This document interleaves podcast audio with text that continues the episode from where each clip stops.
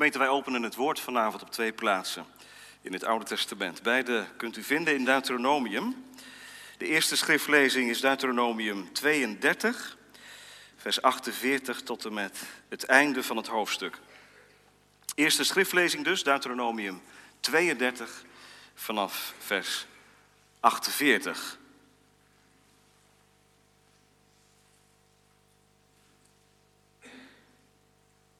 Deuteronomium 32, vers 48, daar luidt het woord van de Heer als volgt. Vervolgens sprak de Heer tot Mozes op diezelfde dag, beklim het Abarim-gebergte, dat is de berg Nebo, die in het land van Moab ligt en die zich tegenover Jericho bevindt, en zie het land Canaan dat ik aan de Israëlieten in bezit geef. En sterf dan op de berg die u beklimmen zult en wordt verenigd met uw voorgeslacht, zoals uw broer Aaron gestorven is op de berg Hor en met zijn voorgeslacht verenigd is. Daarom, omdat u mij ontrouw bent geweest te midden van de Israëlieten, bij het water van de twist van Kades, in de woestijn Zin, omdat u mij niet geheiligd hebt midden van de Israëlieten. Want van een afstand zult u het land zien maar er binnengaan in het land dat ik de Israëlieten geef, dat mag u niet. Vervolgens twee hoofdstukken verder, Deuteronomium 34 in zijn geheel. Deuteronomium 34. Toen beklom Mozes vanuit de vlakte van Moab de berg Nebo, de top van de Pisga, die recht tegenover Jericho ligt. En de Heere liet hem heel het land zien, van Gilead tot Dan, heel Naphtali, het land van Ephraim en Manasse, heel het land van Juda tot aan de zee in het westen, het zuiderland, de vlakte van de vallei van Jericho, de palmstad, tot aan Zoar. En de Heere zei tegen hem, dit is het land waarvan ik Abraham, Isaac en Jacob gezworen heb. Aan uw nageslacht zal ik het geven. Ik heb het u met uw eigen ogen laten zien, maar u mag daarheen niet oversteken. Zo stierf Mozes, de dienaar van de Heere, daar in het land van Moab, overeenkomstig het woord van de Heere. En hij, dat is God, begroef hem in een dal in het land van Moab, tegenover Bet Peor. En niemand weet waar zijn graf is, tot op deze dag. Mozes nu wat 120 jaar oud toen hij stierf. Zijn oog was niet dof geworden en zijn kracht was niet vervlogen. En de Israëlieten beweenden Mozes in de vlakte van Moab dertig dagen lang. Toen waren de dagen van het bewenen, van de rouw over Mozes voorbij. Jozua nu, de zoon van Nun, was vol van de geest van wijsheid, want Mozes had zijn handen op hem gelegd. Daarom luisterden de Israëlieten nu naar hem. En zij deden zoals de Heere Mozes geboden had. En er is in Israël geen profeet meer opgestaan zoals Mozes, die de Heere kende van aangezicht tot aangezicht. Met al de tekenen en wonderen waarmee de Heere hem gezonden had om die in het land Egypte te doen bij de farao, bij al zijn dienaren en bij heel zijn land. En met heel de sterke hand en met alle grote, onzagwekkende daden die Mozes voor de ogen van heel Israël verrichtte. Gemeente, wij bereiken vanavond de grens van het jaar Anno Domini 2018. Mozes bereikt ook een grens. En daar staan we deze avond bij stil. De grens bereikt met Mozes. Morgen gaan we de grens over als God het geeft. En dat doen we ook in de preek. Morgen gaan we de grens over met Jozua. Jozua 1. Dus vanavond de grens bereikt. Morgen de grens over. De tekst voor de preek vindt u vanavond in Deuteronomium 34, vers 5 tot en met 7. Deuteronomium 34, vers 5 tot en met 7. Zo stierf Mozes, de dienaar van de Heere, daar in het land van Moab, overeenkomstig het woord van de Heere. En hij begroef hem in een dal in het land van Moab tegenover Bet Peor. En niemand weet waar zijn graf is, tot op deze dag. Mozes nu was 120 jaar oud toen hij stierf. Zijn oog was niet dof geworden en zijn kracht was niet vervlogen. De grens bereikt, dat staat boven de preek vanavond. De grens bereikt. Twee gedachten in de eerste plaats. Op de tijd door God bepaald. Dat blijkt heel duidelijk uit dit gedeelte. Zijn sterven is, zoals ieder sterven, door God bepaald. En in de tweede plaats met het uitzicht door God gegeven. Dus de grens bereikt op de tijd door God bepaald met het uitzicht door God gegeven. Allereerst dus op de tijd door God bepaald. Ja, gemeente, het gaat er een keer van komen. Je kunt er omheen draaien. Maar er is niet zo democratisch als de dood. En dat is niet om somber te doen, pessimistische inzet van de preek te maken, maar dat is de realiteit. En sommigen van u weten dat nog van veel meer nabij dan ik. Dat dat inderdaad zo is, dat wij net, wat wij net gezongen hebben. dat een wenk, een wenk van, van Hem, onze broosheid, onderstreept en kan leren. Aangrijp het als je daaraan herinnerd wordt om op een dag als, als deze. Het gaat er een keer van komen. Niemand ontloopt het. Hoe grensverleggend je ook bezig bent. En hoeveel fantastische uitvindingen er ook zijn. Hoewel zijn ze zo fantastisch. Levensverlenging, Het gaat ervan komen. Kinderen, het staat zelfs in je hand geschreven, in je, in je handpalm. Als je goed kijkt, staat er een M in. Een M. Kijk maar eens in je hand. De M van memento mori. Gedenk te sterven. Beklemmend, dominee. Ik hou daar niet zo van als u dat zo zegt. Mijn vader zegt dat ook wel eens tegen me. Jongen, je moet sterven. Maar het is daarmee wel waar.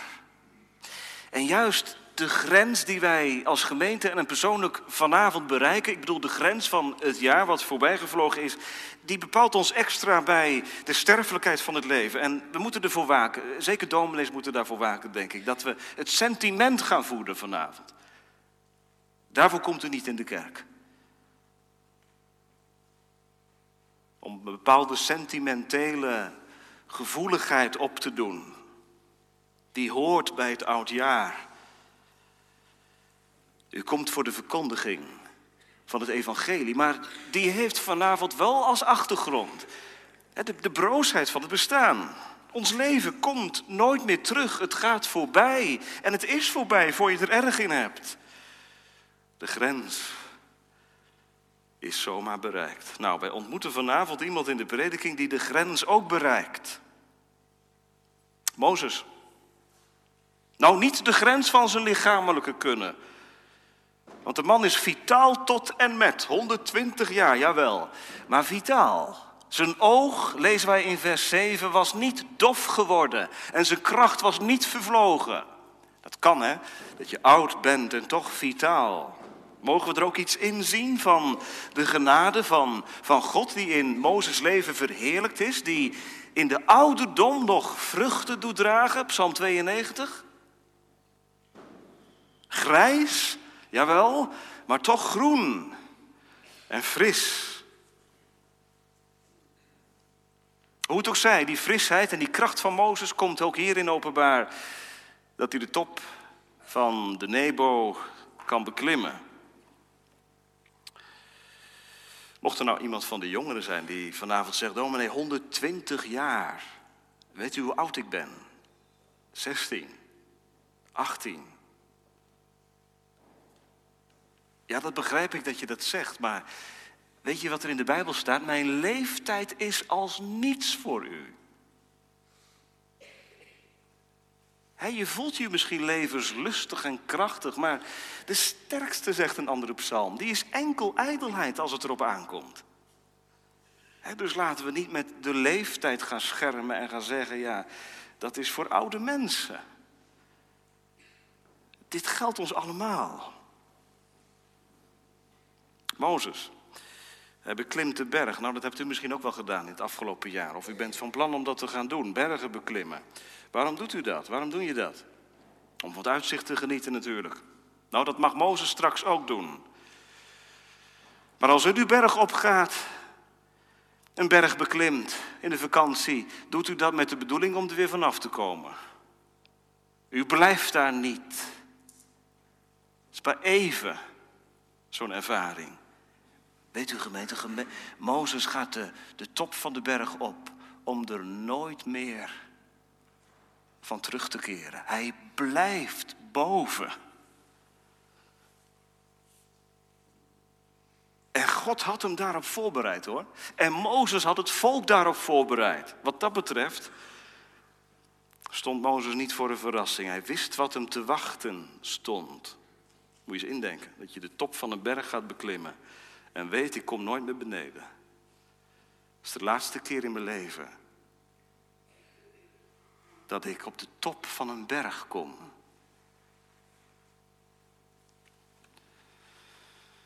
Ergens, gemeente, weten wij natuurlijk ook hè, dat wij sterven moeten. Het enige verschil met Mozes is dat wij niet weten wanneer het gebeurt. En dat maakt ons leven zo onzeker. De dood is een en al zekerheid, want die komt als Christus niet eerder terug is, terug is gekomen. En tegelijk is de dood een en al onzekerheid, want wanneer en hoe, ja, dat kan je aangrijpen. Hoe daarmee om te gaan met, met die sterfelijkheid. Midden in het leven ben je door de dood omgeven.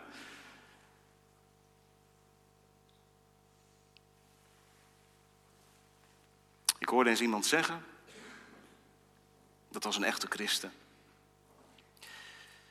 Hij sprak voor jongeren en het was een oudere man. En die zei, jonge mensen, spreek iedere dag, of spreek iedere week met God over je levenseinde. Zorg dat er één keer in de week dat thema voorbij komt. Daar word je niet pessimistisch van. Dat leert je bij de realiteit van het leven leven, in plaats van bij de waan van de dag. Zeker weten. Eén keer per week. Onder ogen zien. De grens komt eraan. Op Oudjaarsdag luister ik traditiegetrouw altijd de kantaten van Bach, Gottes Zeit is die allerbeste tijd als u van muziek houdt en als u dan ook nog eens van Bach houdt en van de kantates van Bach, dan weet u waar het over gaat. Het gaat over de sterfelijkheid van het leven.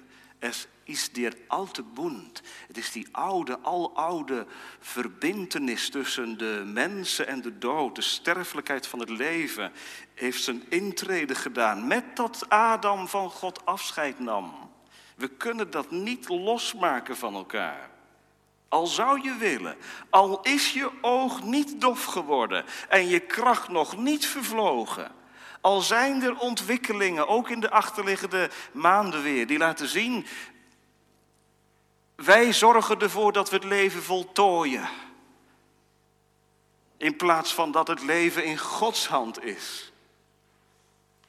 Wij maken ons niet onsterfelijk. Dat gaat ons niet lukken. Zo ook Mozes. Terug naar Deuteronomium 34. De Heer had het gezegd. Mozes, sterf op de berg. Beklim die berg en sterf daarop. En misschien vraagt er vanavond iemand, waarom? God had Mozes toch goed kunnen gebruiken. Nog een paar jaar in zijn dienst. Als leider van het volk. Waarom? Nou, de Bijbel geeft daar een antwoord op. Waarom moest Mozes sterven en waarom moest hij daar sterven? Kinderen, God had tegen Mozes gezegd: Ik ben vertorend op je. Weet je waarom? Omdat Mozes als leider van het volk zijn zelfbeheersing op een zeker moment verloor. En jullie kennen die geschiedenis wel, dat water dat uit de rots tevoorschijn eh, komt Mozes moest spreken. Maar wat deed Mozes? Hij sprak niet, hij verloor zijn zelfbeheersing en, en sloeg op die steen. Voor de ogen van heel het volk. Voorbeeldfunctie. Maar daar bleek Mozes het verkeerde voorbeeld te geven. En er ligt een regelrecht verband tussen die zonde en de dood van Mozes. Het loon van de zonde is de dood, zal Paulus laten zeggen. Nou, in Mozes geval is dat wel heel concreet aan te wijzen. Het loon, het gevolg van de zonde, dat is de dood. En zo is die gegaan. Eh, Mozes heeft zich daar natuurlijk niet direct bij neergelegd, mens als hij is. Weet u, hij heeft de Heer verschillende malen gevraagd, alstublieft Heer, laat mij leven. Waarom dan? Ik wil dat land binnengaan. Nee, Mozes, je zult sterven. Voordat je het land binnengaat, zul jij sterven. Je zult het land van verre zien, maar je zult het niet binnengaan. Dat is voorbehouden aan je opvolger Jozua. En Mozes heeft gesmeekt, indringend gevraagd: O God, laat dat niet zo zijn. Mag ik het zien van nabij?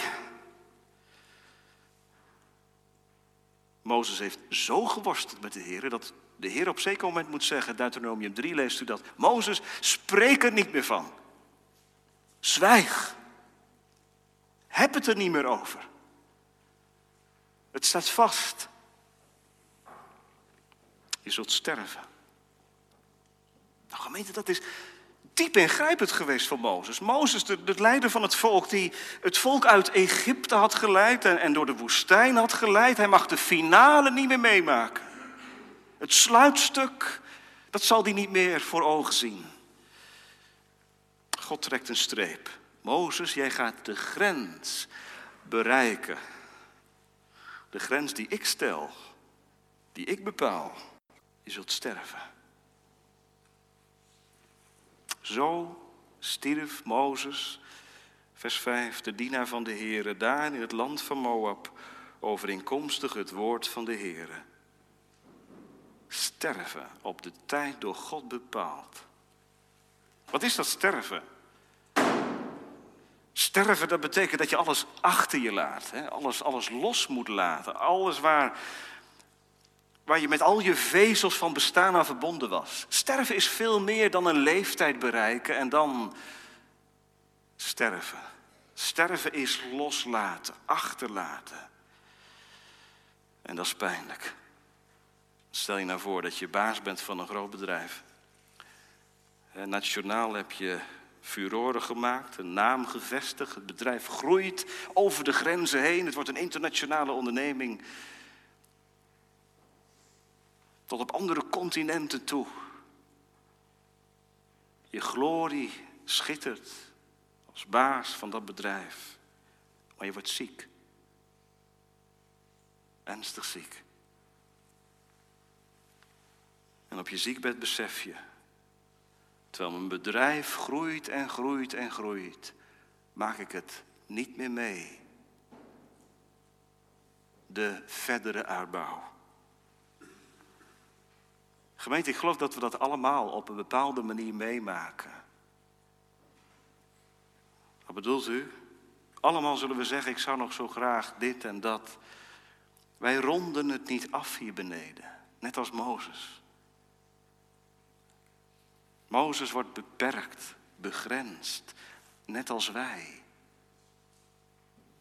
En om het dan eens te worden met de weg die de Heere gaat. Heb ik nu een vraag, zegt iemand. Hoe kan het dan dat Mozes zonder morren die berg opgaat? Want je leest in dit hoofdstuk niets van verzet. Is Mozes verdoofd? Nee. Calvijn tekent aan bij deze tekst. Zo'n vrijwillige gehoorzaamheid vloeit nergens anders uit voort dan uit het geloof in de genade van God. Nou, dat is een prachtige verklaring. Die vrijwillige gehoorzaamheid die wij hier in Deuteronomium 34 zien. Hij gaat naar de top om te sterven. Hij accepteert uiteindelijk de grens die God stelt. Die komt voort uit het geloof in de genade van God. Dat is stervensgenade. En daardoor, zegt Calvijn, wordt alle verschrikking verzacht en overwonnen en alle bitterheid van de dood verzoet. Stervensgenade, dat geeft God aan zijn kinderen. Alleen is er dan wel eerst sprake van levensgenade. Het leven is mij Christus. om te sterven in de Here dien je ook te leven in de Here. Levensgenade, gemeente, dat hebben we nodig om de grens te bereiken en de grens over te kunnen. En ja, als je het hebt over genade, dan heb je het in één adem over Jezus, over Christus, over de middelaar van het nieuwe verbond. Bij wie Mozes in de schaduw staat. Mozes die een voorafschaduwing is van de Heer Jezus Christus. Die zijn kinderen leidt. Niet tot de grens, maar over de grens heen. In het nieuwe beloofde Canaan. Mozes, hij komt erachter beperkt te zijn. Hij kan het vol Canaan niet binnenbrengen. Maar de Heer Jezus, hij doet het wel. Omdat hij kwam om plaatsvervangend de straf te dragen. Het loon van de zonde is de dood. Jezus heeft het ondervonden. Hij stierf niet alleen, maar hij onderging ook Gods geduchte toorn. Dat heeft hij gedragen. Vrijwillig. De Heer Jezus Christus is ondergegaan in mijn ellende, in mijn dood en verlorenheid. En gemeente, dat onaffe, hè, wat we hier tegenkomen in Deuteronomium 34, dat beperkte, dat onbevredigende, dat brengt ons bij die gadeloze ontferming van de Heer.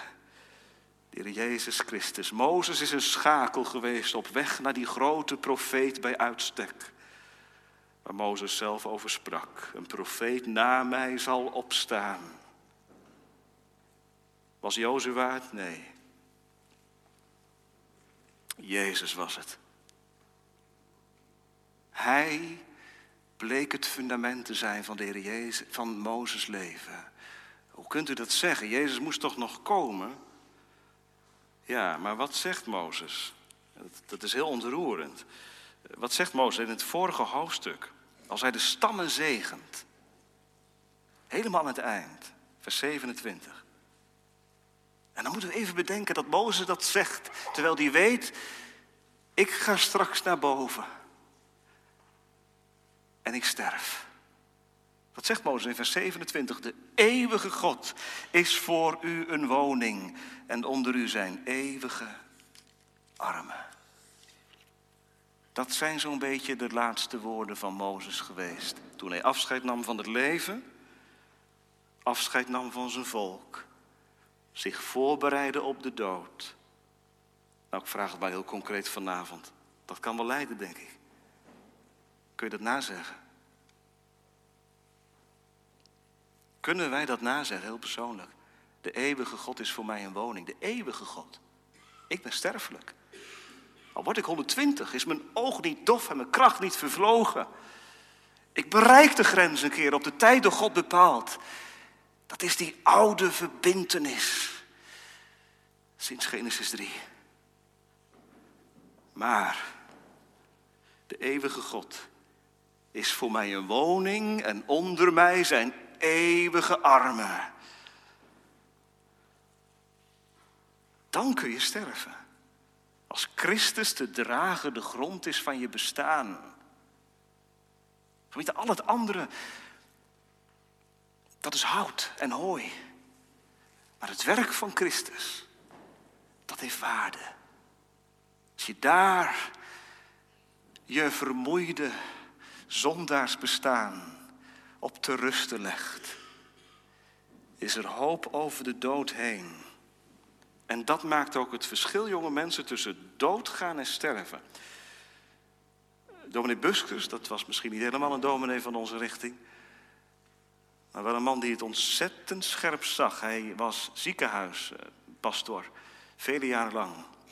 Hij heeft een boekje geschreven, een heel aangrijpend boekje. Waarheid en leugen rond het ziekbed. Waarheid en leugen rond het ziekbed. Als u het een keer te pakken krijgt, moet u maar eens lezen. En in dat boekje zegt hij... Ik heb in mijn bestaan als ziekenhuispastor veel mensen zien doodgaan. Maar weinig mensen zien sterven. Klinkt wat, wat, wat rauw, kan ik me voorstellen. Veel mensen zien doodgaan, weinig mensen zien sterven. Wat, bedoel, wat bedoelde hij? Mensen die sterven, die gaan naar huis. Die kunnen afscheid nemen. Die kunnen door Gods stervensgenade de grens over. Als Mozes.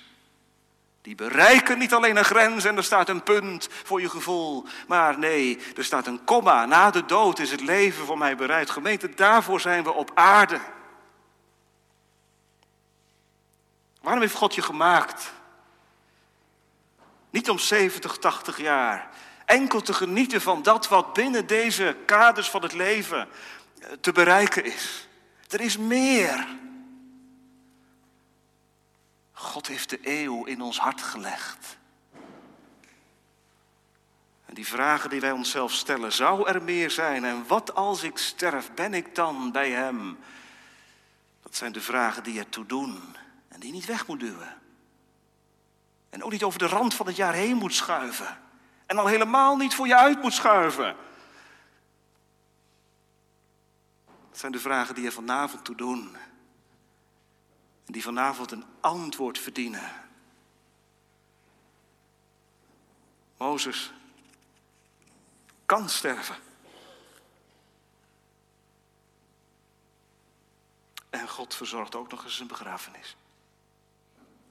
En hij begroef hem in een dal in het land van Moab tegenover Bet Peor. Hoe is dat eraan toegegaan? Ik zou het niet weten. Ik kan daar niet veel meer over zeggen dan dat de Bijbel zegt.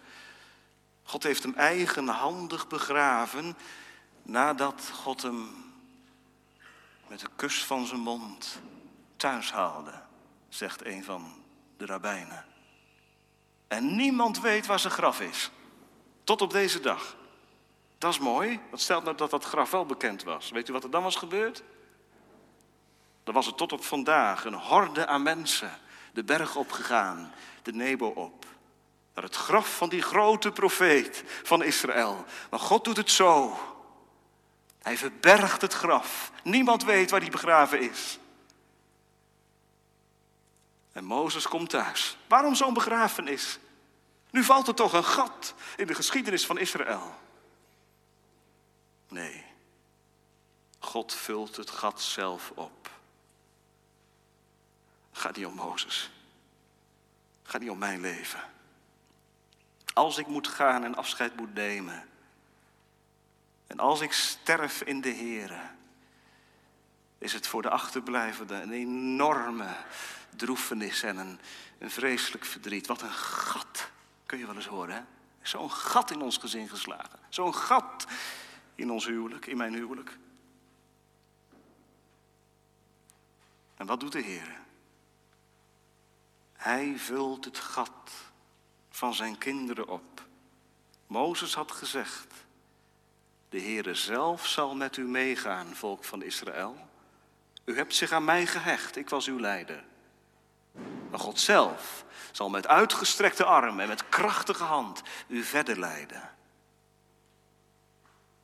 De grens bereikt, op de tijd door God bepaald, met het uitzicht door God gegeven daar leg ik tenslotte de vinger bij. Mozes klimt de berg op. Voordat hij sterft mag hij rondkijken. Gemeente, dat is een topervaring geweest, letterlijk en figuurlijk, in het leven van Mozes. Hij mag kijken zover als hij kijken kan. En in vers, eh, vers 1 en 2 ziet u hoe ver hij kon kijken. Ik heb me laten vertellen dat dat eigenlijk niet kan. Als u vandaag naar de, naar de Mount Nebo zou gaan en op de hoogte van Pisgah zou staan, zou u veel kunnen zien, maar niet zoveel. Mozes zag het. Een wonder. Wat zag hij? Heel het land. Heel het land. Van Gilead tot Dan. Heel Naphtali. Het land van Ephraim en Manasse. Heel het land van Juda tot aan de zee in het westen. Enzovoort. Een prachtig panorama. En Mozes mag het met zijn blik doorkruisen. Van grens naar grens. Het land wat God zal geven. Vlak voor de dood. Zo'n uitzicht. Ja, dominee, allemaal mooi. Maar hij mag er niet in. Wat heb je er nou aan? Wat heb je er nou aan? Als je met het zicht op de haven schipbreuk leidt. Mozes leidt geen schipbreuk. Dacht u dat? Hij komt er niet aan, dat is waar. Hij ziet van verre. Hij omhelst de belofte aan Abraham, Isaac en Jacob gedaan. Welke belofte? Vers 4. Aan uw nageslacht zal ik dit land geven. Ik heb het u met uw eigen ogen laten zien. Mozes, dat is een onderstreping. Met eerbied gesproken, God treitert Mozes niet. Kijk, hier mag jij niet komen. Als je nou geluisterd had, had je er wel mogen komen. God plaagt Mozes niet met dit uitzicht. Hij onderstreept en bevestigt de belofte aan Abraham, Isaac en Jacob gedaan. En die grens die God trekt, ja, die is er. Vanwege de zonde van Mozes, dat is waar. Maar wat een wonder dat Mozes het mag zien. Van verre. En met zijn ogen. Heel die toegezegde erfenis mag bekijken. Mozes, gemeente, heeft de belofte niet verkregen, maar wel omhelst. Waarom? God had wat beters voor hem bereid. Niet het land aan Abraham, Isaac en Jacob gegeven, maar de stad die fundamenten heeft. Waarvan God zelf de kunstenaar, de architect en de bouwheer is.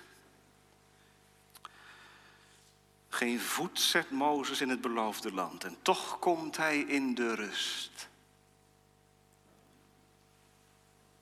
Hij bereikt de grens en hij loopt tegen de grens aan en toch, en toch gaat hij binnen. Begrijp je? Door het geloof komt hij er. De klim van Mozes naar de top van de berg is de opgang geworden naar Gods altaren, naar het vaderhuis. En hij krijgt een doorkijkje. En als hij zijn ogen sluit en zijn adem stokt, ontwaakt hij aan de andere kant en wordt hij wakker bij God. Mozes gaat naar huis, kinderen. Mozes klimt de berg op om naar huis te gaan. Ik weet niet of je wel eens in het, in het donker naar huis bent gegaan. Het was aardedonker. Je was op vakantie ergens. En je was aan het wandelen. En het werd duister, donker, geen verlichting. En nu naar huis. Wat een angstige ervaring. Kom je er wel? Gelukkig een paar herkenningspunten die zorgden ervoor dat je thuis kwam in dat vakantiehuis. De weg er naartoe, dat was een beproeving. Maar het was het wel waard. Je kwam thuis en daar was het je om te doen. Nou, gemeente, dat geldt nou een christen. Als je van Christus bent, kom je thuis. Komt dat? Er is er één geweest, gemeente, in de geschiedenis die, die dood is geweest en levend is geworden en de sleutels van de hel en van de dood heeft. Er is er één geweest die ondergegaan is in mijn voorlopige bestaan. en beschikt over mijn toekomst. Net zoals over de toekomst van Mozes. Hoe komt dat?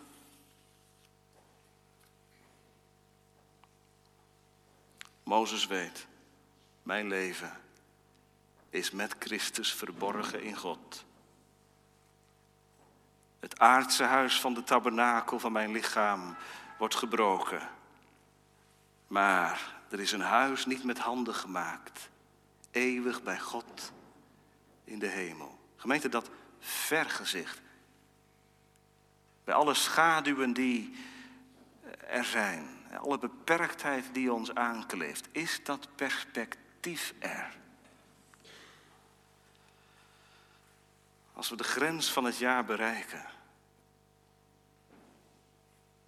kan ik dan zeggen, die grens van het jaar 2018, die onderstreept de beperktheid. Weer een jaar voorbij. Het zoveelste jaar. En hoeveel komen er nog? U mag het zeggen. Wij weten het niet. Maar die beperking is niet het een en al. Door het geloof mag ik zicht hebben op de Heer Jezus Christus. En wie zich aan Hem gewonnen heeft gegeven, wie zich aan Hem heeft overgegeven, wie zich zalig keek op Jezus, ontvangt ook de garantie. Ik zal het werk afmaken. En dat niet omdat jij zo trouw was en zo gelovig en zo goed bedoelend, maar omdat mijn werk volkomen is door de dood heen. Dat betekent dus eigenlijk, gemeente, dat die laatste dag van Mozes op aarde de beste dag van zijn leven was. Hij stierf op het hoogtepunt. Zijn opgang werd niet zijn ondergang, maar de opgang naar de berg werd het opgaan tot Christus. Gemeente jonge mensen, bent u bang om af te gaan? Ben je bang om af te gaan, afgewezen te worden, af te gaan in, je, in de klas, in je collega-kring? Ja, hè? Het is een heel onaangename ervaring als je afgaat voor de rest. Weet u, in alle ernst, er is een afgang van je welste als het gaat om deze kwestie, leven of dood. Zonder levend geloof is je sterven een ondergang tot en met, een afgang waar geen woorden voor zijn. En dat maakt de zaak in de prediking ernstig en, en, en radicaal. Je gaat naar huis. Of niet. Je komt thuis. Of je gaat verloren. Voor Mozes geldt het eerste. Mozes kwam ter wereld net als ons, in een wereld van onvolmaaktheid. Maar als Mozes zijn ogen sluit, mag hij zijn ogen openen in een wereld van volmaaktheid. De Bijbel zegt, de dag van je dood is beter dan de dag van je geboorte. En dat geldt voor alle die geloven in de Jezus Christus. De dag van je dood, de laatste dag, is je beste dag. Als je van Christus bent. Op de eerste dag van mijn leven kwam ik ter wereld om te sterven. En op de laatste dag sterf ik om te leven. Op de eerste dag van het leven deed ik het kleed van de sterfelijkheid aan. En op de laatste dag van mijn leven leg ik dat kleed af en krijg ik het kleed van de onsterfelijkheid aan. De eerste dag toen je geboren was, werd een vreugdevolle dag voor je omstanders. Jij huilde. Je ouders waren blij. Straks is het andersom. Je sterft. Je geliefde treuren. Maar jij wordt vreugdevol wakker in die toekomst met Hem. Gemeente zegt nou zelf, het is toch veel beter om door de smart heen te komen door de vreugde. Dan om door de vreugde en de lol en het vermaak van het leven terecht te komen in het verdriet. En daarom is de dag van het sterven beter dan de dag van je geboorte. Wie in Christus gelooft, komt op die dag in het leven. Gemeente, dat zijn geen fabeltjes. En u moet dat niet geloven omdat ik dat zeg. Maar er is er één geweest die dood is geweest en leeft is geworden. En die het vanavond met, met heel veel liefde en ernst zegt. Ik leef. En wie in mij gelooft, zal niet leven. Zal niet sterven, maar leven. Wat geen oog heeft gezien. Mozes zag van alles. Een heerlijk vergezicht. Maar wat geen oog heeft gezien, ook wat Mozes oog niet zag, dat heeft God voorbereid. Voor hen die hem liefhebben. Wat een uitzicht, gemeente, daar boven op de berg. Wat een topervaring. Dat is voltooid leven. Weten dat in alle betrekkelijkheid, sterfelijkheid, onvolmaaktheid die je hier aankleeft, het leven met Christus niet sterft, niet ophoudt, maar voortgaat. Hoe komt dat? Was het fundament? Was de dragende grond? Hij die een goed werk in mij begonnen is, zal het ook voleindigen, afmaken. Gemeente, als alle hoop mij ontvalt, als ik zie op mezelf en mijn zwakheid en ik duizend doden sterf, klamp ik mij vast aan die regels. Hij is zo getrouw als sterk. En hij zal zijn werk voor mij voleinden. Nou, als je zo de grens bereikt van dit jaar, kun je de grens over. Ook die laatste grens. Die definitieve. Want dan is het waar. Wat we nu gaan zingen. Dan ga ik op. Tot Gods altaren. Tot God, mijn God. De bron van vreugd. Amen.